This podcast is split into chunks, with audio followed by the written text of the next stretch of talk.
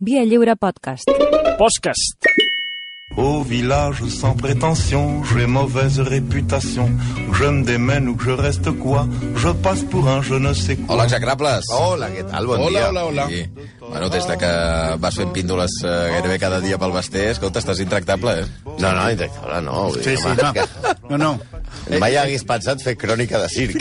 Crònica judicial de circ. De tota circ, l'hora. home. Li vaig veure, és que el, el cadena aquest és miliqui. És milic, és Miliki. s'assembla molt, s'assembla molt. Sempre fem una cervesa abans d'entrar Sí. i aquest matí el truco i dic, cadem, i dic, deixa que miri la meva agenda. Ja, ja és important, saps? No, no, no, clar, clar, que és que clar, haig de parlar amb els advocats... Clar, has de fer clar, tot el periodisme aquí de, de No, home, judicial. És que és el que volia jo fer sempre. Després el Barça m'ho va facilitar bastant. Perquè, clar... És veritat. Després, Neymar i Sandro Rosell m'ho van facilitar bastant, sí. Eh, 5 minuts i 3 quarts de 12 del matí. Ara que has dit Sandra Rossell, queda molt poc perquè comença el 25, judici. 25 el dia de 25, és a dir, 25 de febrer. en, en 9 dies eh, ja tenim el judici de Sandra Rossell. Estem tenint judicis per sobre de les nostres possibilitats. Absolutament d'acord. I d'aquí una estona parlarem d'un altre, Altre que, judici. sí, d'un altre judici diferent de tots aquests que hem parlat, que jo crec que és el judici que en aquests moments es fixa més gent al món, no dic uh, ni europeu ni espanyol, que és el del Chapo Guzmán. Ah, molt bé. A les 12 aproximadament Molt a favor parlarem amb, molt a favor d'ell. Sí, home, un tio... No és un execrable, no? Clar. No, no, Evidentment. un tio que s'escapa fent un forat un túnel.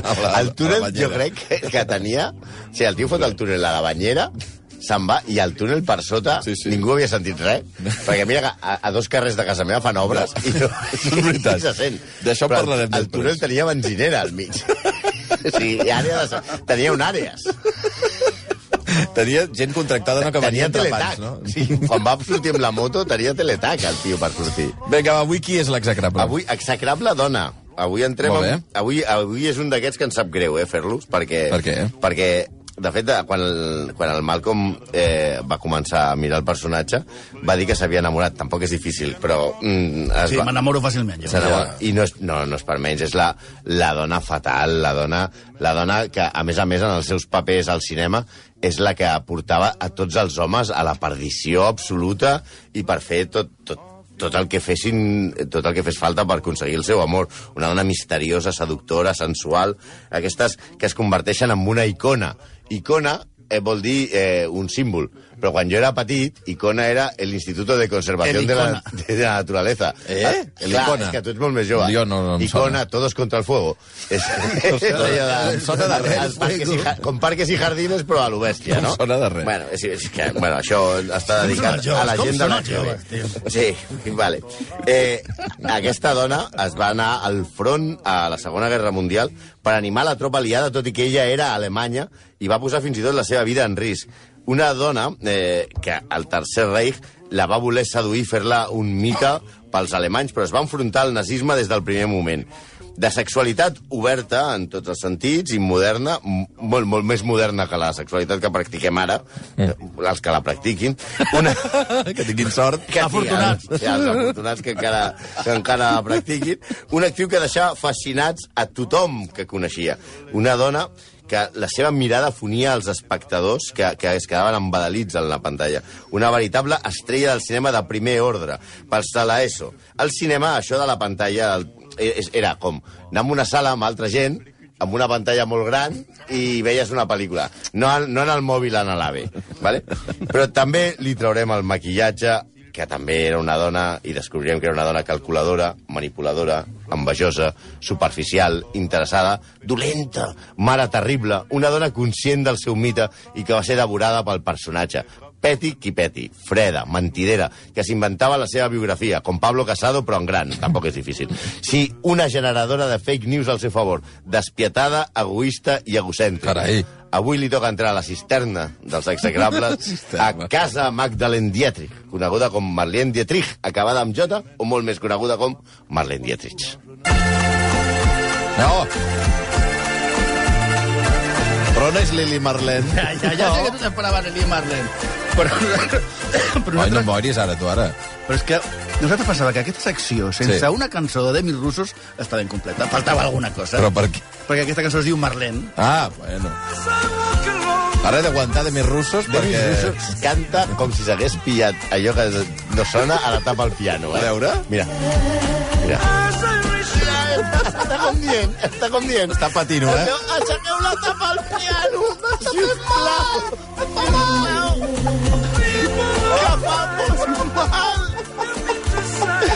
En veritat, el tio està dient, m'acabo de pillar la cigala a la, amb el piano. Va, Mira, mira, Va, tira. i estan retorçant. Té molt forçat ara ja, eh? Està, està blau ja. Ah, aquest crit, aquest crit a mi em Va, fa tira. molt de mal. Per favor, tira, per favor. Avancem. Bueno, t'he de dir que en, en francès, com, eh, en francès, en alemany, com deia... En El... francès, perquè en francès...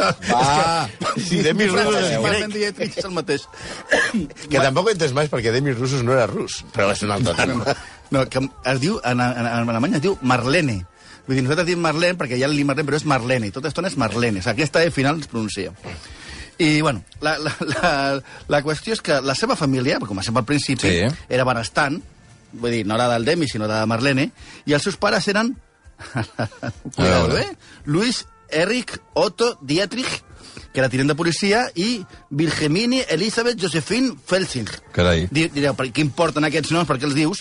I diu, perquè ens semblava graciós, que te, perquè tenen noms com de telenovela, però versió prussiana. Sí, tu imagina't, si els prussians fessin telenovel·les en estil Venezuela seria Luis Enricoto, yo te quiero, no más de lo que yo te deseo, Wilhelmina Elizabeth Josephine. I, quan aca han acabat de dir això, s'ha acabat el capítol.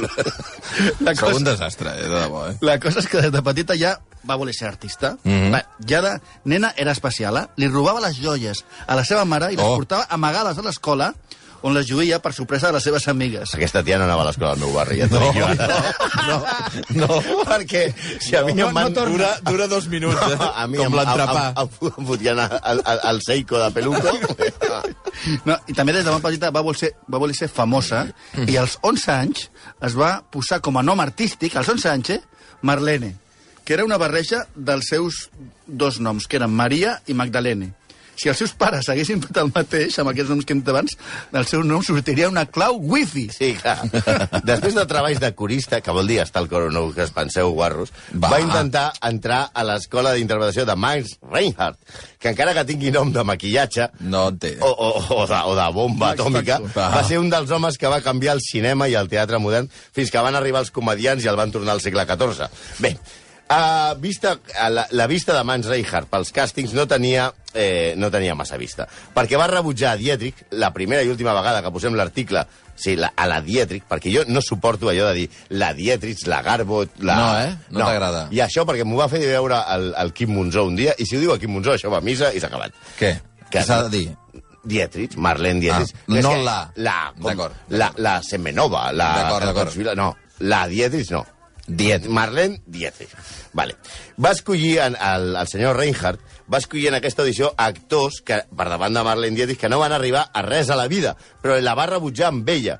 És com veure un partit de l'Àgex i escollir a Paco Alcácer en lloc de Messi, o a De Jong en lloc de De Ligt. ets, ets terrible, eh? L'any Tots 1900 pesats amb De Jong durant mesos i ara el, El bo bo és és l'altre. l'any 1923, pas de l'ESO, fixeu-vos que, que sí fa temps que encara no hi havia metro a Barcelona, I no s'espatllava. ni les cases tenien ràdio. Però Ah, no? Primo de Rivera ja havia fet un cop d'estat. Res a veure amb l'altre Rivera, eh, Albert? I de a l'any- d'estat. a l'any 23 fa les seves primeres pel·lícules. El petit Napoleó i Tragodí de Relieve, que com tothom sap vol dir tragèdia d'amor. En aquesta segona pel·lícula coneix el txec Rudolf Sieber, que serà el seu únic marit i pare de la seva filla. Molt important per a nosaltres, la filla, vull dir. Sí. Perquè del seu llibre, de críptic títol, que es diu Marlene, Marlene Dietrich per la seva filla Maria Riba, Aquest és el títol, eh? aquest és el títol. No No si algú no, no sap de què va, hem tret alguns dels draps bruts que expli- explicarem avui. La nena es deia Maria Riba, que és el nom, és, és un nom, Maria Riba, no el que deien quan s'apropava, Maria Riba, no? Oh, va, va. És un nom bastant català, per cert, Maria Riba. Sí, Maria Vull dir Riba. que I- i La filla de. Marlene Dietrich era Maria Riba. Maria Riba. Riba era el seu, seu marit, eh? Sí, clar. El pobre Rudi, el Rudolf, es va convertir de seguida en un titella que col·leccionava les cartes d'amor dels amants de la seva esposa, cosa que és bastant, bastant trista, no? Intentava no veure les seves infidelitats, cosa difícil, però hi ha gent que ha aconseguit no veure aquestes coses. Ana Mato va baixar cada dia al pàrquing de casa seva i no va veure el Jaguar. I, i, i, i, la, i, i la infanta, bueno, la infanta també va deixar de veure que, que vivia en un pis i després va passar a veure vivia en un parauet i no, no, no tenia ni idea de com ho havia aconseguit, no? bueno, el seu marit, a part de col·leccionar les cartes d'amor de, la, de la seva dona, dels seus amants, li feia de mànager. Amb el, amb el temps, Marlene va veure que li feia nosa i el va enviar a un exili daurat, li va pagar pasta, i li va dir, ala, marxa't a un ranxo amb la seva parella, perquè, clar, el tio també necessitava tenir certa, certa activitat, no? Aleshores, la seva parella es deia Tamara Matul, que li deien Tami. Per tant, la parella va ser Rudi i Tami, que no és la davantera de l'Espanyol, sinó que és eh, la parella de l'ex-marit de Marlene Dietrich. Marlene va obligar a avortar a Tami perquè no permetia que el seu marit tingués un fill amb una altra dona. Això tacaria la seva reputació, segons ella. Mira que si era moderna, que, eh, que, si don, que sembla Doña Rogelia. Pels de l'ESO us explica... Bueno, millor que no us expliquem que era Doña Rogelia. No. Sí. Tami, després d'un dels avortaments, va intentar suïcidar-se. I Marlene, molt sensible a ella i molt moderna, va intentar culpar a la noia de voler perjudicar-la amb el seu suïcidi. Que maco. No me mires, no me mires, no me, no me, no me mires, no me mires. I ara què té a veure el maquillatge? Ja, i el... ja, ja ho veureu. Ja. Ah. Per cert, recomanem... Que veieu el vídeo original del De què? video, el videoclip de, del Mecan. Ara no tinc... No, no, no. No, no cal que sigui ara mateix, David. Oh, oh, Bueno. quina cosa. Llavors, va conèixer el director de... La Marlene. La Marlene sí. va conèixer el director de cinema Von Strenberg, que com bon fetichista va decidir crear d'aquella noia una... que era una noia d'estatura mitjana, perquè feia 1,65, que és 6 centímetres menys que Messi, eh? Sí. I una Ja. mica grassoneta. Hem, hem decidit que a partir d'ara mm, posarem a la gent segons l'escala de Messi. Ah, està bé, això. Si tu me deixes 1,67, ets, Ets alt. 3 centímetres menys a l'escala Ah, de Messi. d'acord. 1,72, un centímetre més que a l'escala de Messi. Messi ha de ser, a la propera república, la norma habitual. Això està bé. La barra ho- seria ho com- Messi. Ho compro bastant, sí, sí. Aleshores, també, ella era una mica grassoneta, Sí. I aleshores, en, però ell, amb una, amb una ostentació de sensibilitat, sembla que li va dir ets un bon cul, però necessites una cara. Que maco. Quina I li va fer perdre 15 quilos, o sigui, sí que estava una mica grassoneta, i li va, li va fer treure els, cas, els queixals al seny, que ella ho negava al principi, però finalment sembla que és veritat, per perfilar-li la cara. Li depila les celles i li ensenya a maquillar-se per potenciar els seus pòmuls eslaus i li canvia el pentinat. Això, ara, eh, això li va fer gratis. I ara hi ha empreses que paguen una... que et cobren una pasta per, aquí els per, per, per, per, això de liposucciones i oh, depressió láser. I ell li va fer gratis, però un gran home, Stenberg. Sí, molt. Però sobretot, li va, el que va fer Stenberg amb, amb Marlene Dietrich va ser inventar-li un personatge. Ma- Marlene va aprendre a fer de la seva lànguida mirada un argument de seducció. També insistia molt a que ensenyés les cames, que en vas, es van convertir en les més famoses de Hollywood, tot i que és realment fals que estiguessin assegurades amb un milió de dòlars. Això es diu, no? Aquesta història va sortir quan Marlene Dietrich es va trencar la cama eh, i va sortir amb una foto a, a la premsa en, enguixada. Mm. I van dir, acaba de perdre, els estudis acaben de perdre un milió de dòlars per aquest guix. Això era mentida. Però bueno, era un dels rumors que ella mateixa li agradava crear i que es repeteixen a les constants biografies i articles sobre ells, que són més falsos que dir-li periodisme d'investigació que fa Eduardo Inda. roden, roden una obra mestra, l'Àngel Blau, i després eh, Dietrich... No la Dietrich. No la Dietrich. Dietrich. O sigui, ara estic per fer, dir la Dietrich tota l'estona. Abandona el, el seu marit Bueno. i momentàniament a la seva, el seu marit, de, diguem, el, El Rudi. El Rudi Tami. i, i momentàniament a la seva filla i marxa amb Von Stermenk a Amèrica. Roden Fatalitat, L'Express de Xangai, La Venus Rosa, Capritx Immortal i El Diable és una dona. I d'aquí ja roda amb Hitchcock, Wilder, Lubitsch, Orson Welles. Ha nascut una estrella, no ens referim a la pel·li de Barbara Streisand. No, és Lady Gaga, ara, eh? Sí, ja, o sea, ets més És antic. Si dir, ha nacido una estrella i, i pensar en Barbara Streisand No, home, no és, ser als molt Oscars. antic, eh? És el, està pels Oscars, la de la Lady Gaga. Home, i tant. Per favor. Molt bé. Per cert, com a curiositat, la República Espanyola, que eh, República Espanyola, Sí. això existia, eh, senyors, governada en aquell moment pels conservadors, Això també existia abans. va protestar i va exigir la destrucció dels negatius de la pel·lícula El diable és una dona, que es deia Caprici Espanyol, en principi i a la, a la Paramount, per donar una, perquè donava una versió distorsionada d'Espanya. I la Paramount es va fer cas. No fotis. Ara ni, no hi ha ni tribunals que fan cas, però en aquell moment la Paramount va dir, vale, i van destruir tots els negatius, tots de la pel·li, menys una còpia que, guar- que guardava Marlene Dietrich. Oh! Sí, és que a la, pel·li... a la pel·lícula, la, aquesta que es diu Caprici Espanyol, que després li van dir el, la mujer és un dia, la dona és un diable, eh, ella fa un paper d'una dona que fa que un militar espanyol perdi la xaveta totalment per ella, no? I ella es diu Concha, com la dona, com la dels Forges, com la que dibuixava mm. Concha i Mariano. Pues, ah, era, era Concha. Bueno, amb Von Stenberg té una relació gairebé masoquista, no? Tenen una relació de dependència, d'odi i amor. És una relació tortuosa en la que es fa molt mal, per això diem masoquista, clar, si no, no seria masoquista. Ell tampoc anava curt de vanitat, eh, Joseph von Stenberg. Segons ell, el clixé de Marlene, ell ell ja l'havia creat amb altres actius en pel·lícules anteriors a l'Àngel Blau. Ell deia que era, eh, Marlene Dietrich era un producte que ella havia... Una xica Almodóvar, però a l'Oestia, no? Perquè, segons ell, Miss Dietrich sóc jo. Ell deia que ell, ell era el, el gran... El gran el Jo gran sóc creador. Dietrich, Eh, Jo soc ella. Dietrich, home.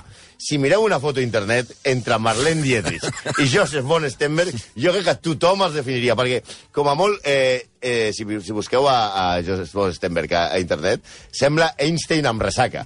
I Marlene Dietrich està bastant rica. Sí, la veritat és que sí. Tot i que la llista de, mans famosos de Marlene és més llarga que el llistat de població de l'Hospitalet, i inclou a Orson Welles, John Wayne, Gary Cooper, Gary Cooper Kennedy... Hòstia, aquest un altre cop, eh? Sí, sí, joder. Passat el Kennedy, tu. Sí, sí, molt, Kirk, molt. Kirk, dia. Kirk Douglas o Jean Gabin, no pensem criticar això, perquè això està molt bé. Això està el molt que bé. sí, Ole ella. El que sí és que els envegem una mica. Bé, Otoe. De fet, els ho diem. Sí. Kennedy ja ha caigut, però un per un aniran caurant, ca caient tots. No, Jean Gabin no. Crec que Jean No, Gabin. Jean Gabin- Jean Gabin. Estem molt a favor de Jean favor. Gabin. Nosaltres voldríem ser Jean Gabin. Aleshores, tornem a, la, a, la, a les memòries de la seva filla, que és la, la que hem tret tota la merda que direm ara. Segons la seva filla, l'amant promiscua, suposadament que era Marlene Dietrich, no li agradava el sexe. La seva filla diu, cometes, sobre sexe visual, sobre erotisme sexual, sí que en sabia molt. Cames, mitges, roba, cos... Però del sexe en si pensava que era una cosa molt vulgar i que l'acte era molt lleig, el mateix que dues persones fent l'amor. No crec que mai conegués o experimentés l'amor sexual real. Jugava això, ho pretenia, feia la farsa. Ostres. Mm, és allò com la República del Torre, sí, només de paraula. I, i, i el que també es diu escalfabraguetes. Ara. No, i els consells a la seva filla en temes sexuals també són per llogar-hi cadires, eh? Diu, ficar la cosa. Ai. Ells sempre busquen ficar-te la cosa. És tot el que volen. Però això qui ho diu, la filla o la mare? La mare o la filla. Ah. Si no ho permets de seguida... Si no ho permets de seguida, diuen que no els estimes, s'enfaden amb tu i se'n van. També, la filla, que és més discreta que Jesús Mariñas, Ho ha explicat tot, la filla. Sí, clar. explica que, Maria cometes, ella preferia la fal·lació perquè li permetia dirigir l'escena. Però el que adorava de veritat era els impotents. Què? Tot és molt estrany per un mite sexual. Sí, sí, tot, tot això de la dona aquesta que feia perdre el cap, la, li agradaven els impotents. Però el sexe que ella practicava lliurement amb homes i dones no sembla ser el més pertorbador del, del, del comportament de Marlene Dietrich, sinó el sentit mateix de les relacions personals. Segons la seva filla, i tornem, la seva mare no entenia el que era donar-se als altres. Entenia l'amor com un privilegi que tenien els seus amants perquè podien estimar a una deessa, que era ella. La qüestió era que passés el que passés, el centre d'atenció sempre fos Marlene Dietrich. ¿Por qué eres tan feo que te echaron quita y pon? Aquesta cançó és meravellosa. Sisplau, escolteu-la un ¿Por moment. qué tu madre en vez de darte el pecho te daba la espalda? bueno, la, La canció del feo, sí, La canció del feo, sí. És boníssima. Per què hem dit això? Perquè la seva relació, la, la relació general amb els éssers humans no era molt bona. Bàsicament, els menyspreava. A tots. A tots. Segons la seva filla, obro cometes, la meva mare era com la, la reialesa. Quan ella parlava, la gent escoltava. Ella mai va estar en una cua, ni tan sols al control de passaports. Quan parlem de cua, parlem cua en el sentit d'agrupació de persones que de forma ordenada guarden el seu torn per rebre una compensació, per fer un tracte o realitzar una activitat. No cua en el sentit de rabo, que d'aquest Vale. sí que se'n va fer molt. Va, va, home, I també diu, favor. estava sempre sorpresa en veure a persones normals en llocs concorreguts, com aeroports o vestíbuls d'hotels, perquè eren, per com eren de lletjos. Això ho deia la mare, era molt... Ai, quanta gent lletja que hi ha. Sí. Ai, Exacte. Està llena de gente fea. I també diu que Dietrich era un egoista terrible, que poques vegades parlava amb algú. Això hauria requerit un cert interès en l'opinió de l'altre. Sí, entenem que veia el món de, ple de lletjos i que, i, que, i, que, i que era una egoista terrible. Era una barreja de Mourinho i Nacho Sanauja, més o menys. Però, però, de fet, no li agradaven les persones en general. Algunes en concret li agradaven menys. En un documental de 1984 diu que odia les feministes. Atenció, Aurorita, guarda la cimitarra. I no podia faltar la nostra, que la nostra amiga fos enemiga dels nazis. Però, és veritat, ella estava en contra dels nazis, però però d'aquella manera. Era una mica racista. A l'hospital, quan la van ingressar per el, quan es va trencar la cama, es va negar en rodó a ser tractada per infermeres negres. I va muntar tot un espectacle, però aquest sense guió ni càmeres. I a mi no me toca tu. Una negra. Sí, també hi ha una frase de Dietrich que no sé si podrà ser categoritzada d'antisemita. Una mica, potser. eh? Diu dels jueus, obro cita, vaig renunciar al meu país per ells. I ara, què tinc a canvi? Botigues tancades pel Yom Kippur. Què és això? Per què és això? Home, estava molt en contra dels nazis, però seria per una altra cosa, no seria pel tema dels jueus. També quan va néixer, eh, quan va néixer els seus nets, tenien els ulls marrons, va dir, des de que Maria... Maria Riba. Maria ja arriba, sí. Des de que... Quan estan follant, diu Maria Va! arriba. Des de que Maria No, home, es va casar... Maria, favor. t'aviso. Va, va, va, Des de va. que... Va, obro la cita un altre cop. Des de que Maria es va casar, vaig saber que es perdrien els ulls blaus. Els gens dels homes bruns, lamentablement, sempre guanyen. A mi tot això em sona a discursari, eh? Ara, ara, ara sí. Ara sí. Pensaves, eh? Ara sí. Steht eine Laterne und steht sie noch davor. És Lili Marlene, això sí. Sí, al final posem la cançó perquè no et queixis. La cançó que va ser increïble, un himne en els dos bàndols, pels alemanys i, pa, i pels aliats. És com si els del Barça i el Madrid arriben al camp i canten la mateixa cançó a les dues aficions. O sigui, una cosa una mica estranya, però això dona fet que donava la idea de, de la importància que tenia Marlene Dietrich, no? Perquè el que sí que li agradaven eren els soldats. Va estar sempre al front animant a la tropa, als aliats, i va tenir penúries de veritat. Va, va tenir molta por. I això és veritat, va tenir... Eh, va pillar cabres, ladilles. Ladilles? Va estar- Sí, sí. Va estar, bueno, per alguna cosa faria al front amb els soldats, i diguem-ne... Escolta'm. Fit-bit, xampú, Va, tu. fit-bit, mamà. Però- però què són- què són les ladilles? Què, què són? Mira, pels de l'ESO. Són com els polls, però a la musclera. A la caixa de les eines, a la calefacció dels pobres, a la passeta, al xotxo, vamos. Va, noi! Bueno, I animar. Per cert, lladella en català. Ja deia, bueno, doncs va pillar això, les cabres. I, i, va, eh, I va animar molt a la tropa i allà, bàsicament, perquè amb el que piquen quan les tens, que a mi m'ho han explicat, jo no ho sabia, Mm. la, allà, allà no, fa, no fas No vull més que res, moure's a, tota l'estona Va. compulsivament. Aleshores, era molt activa. Podem canviar de tema o no? Sí, home, sí. També la seva relació amb Greta Garbo Sí. va treure la pitjor Marlene. Bueno, no sé si la pitjor, no sé si és pitjor que la misàntropa, la falsa, la racista, l'antisemita, però una de molt dolenta. Mm. Greta Garbo era tímida i va conèixer Marlene en una pel·lícula en la qual Marlene tenia un petit paper.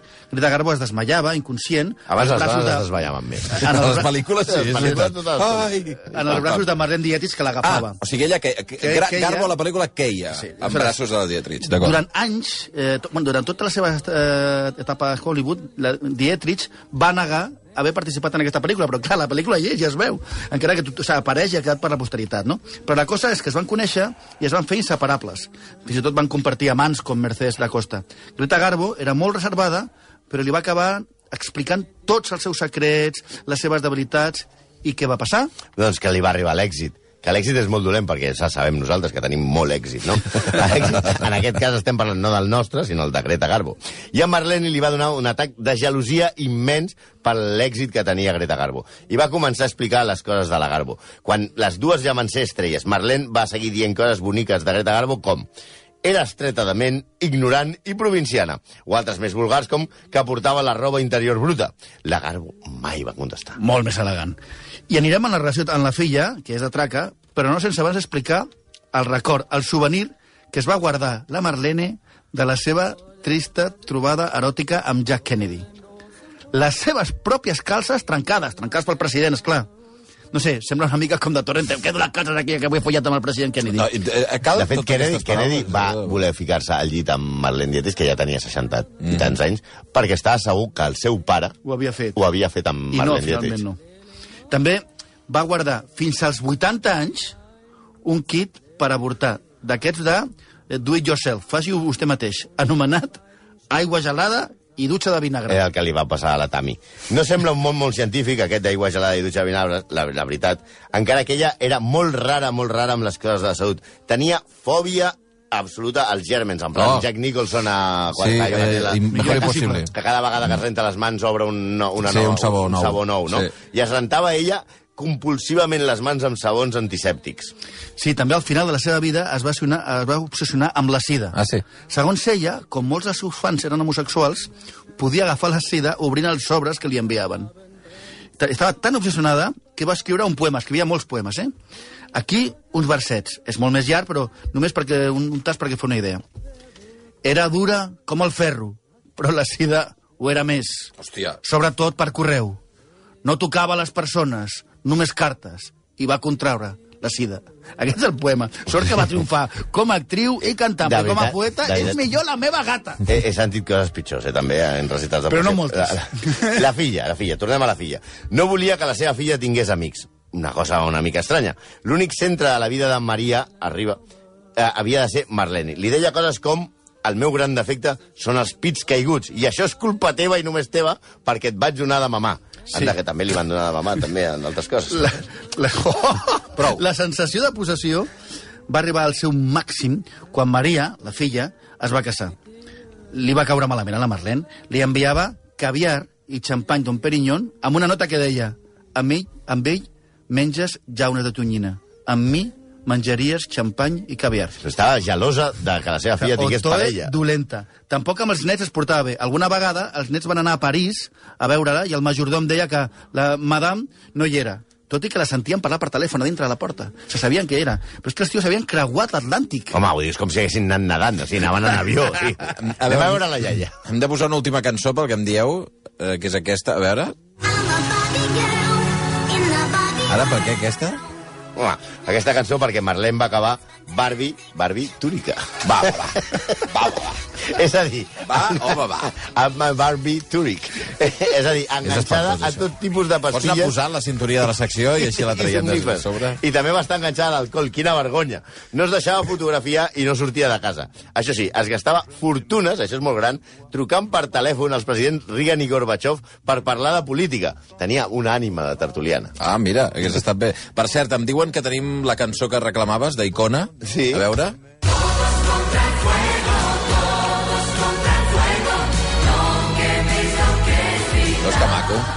Això sí que és un final de secció. Música bona. De, De de. Les 11 i 6 minuts, gràcies, execrables. A vosaltres.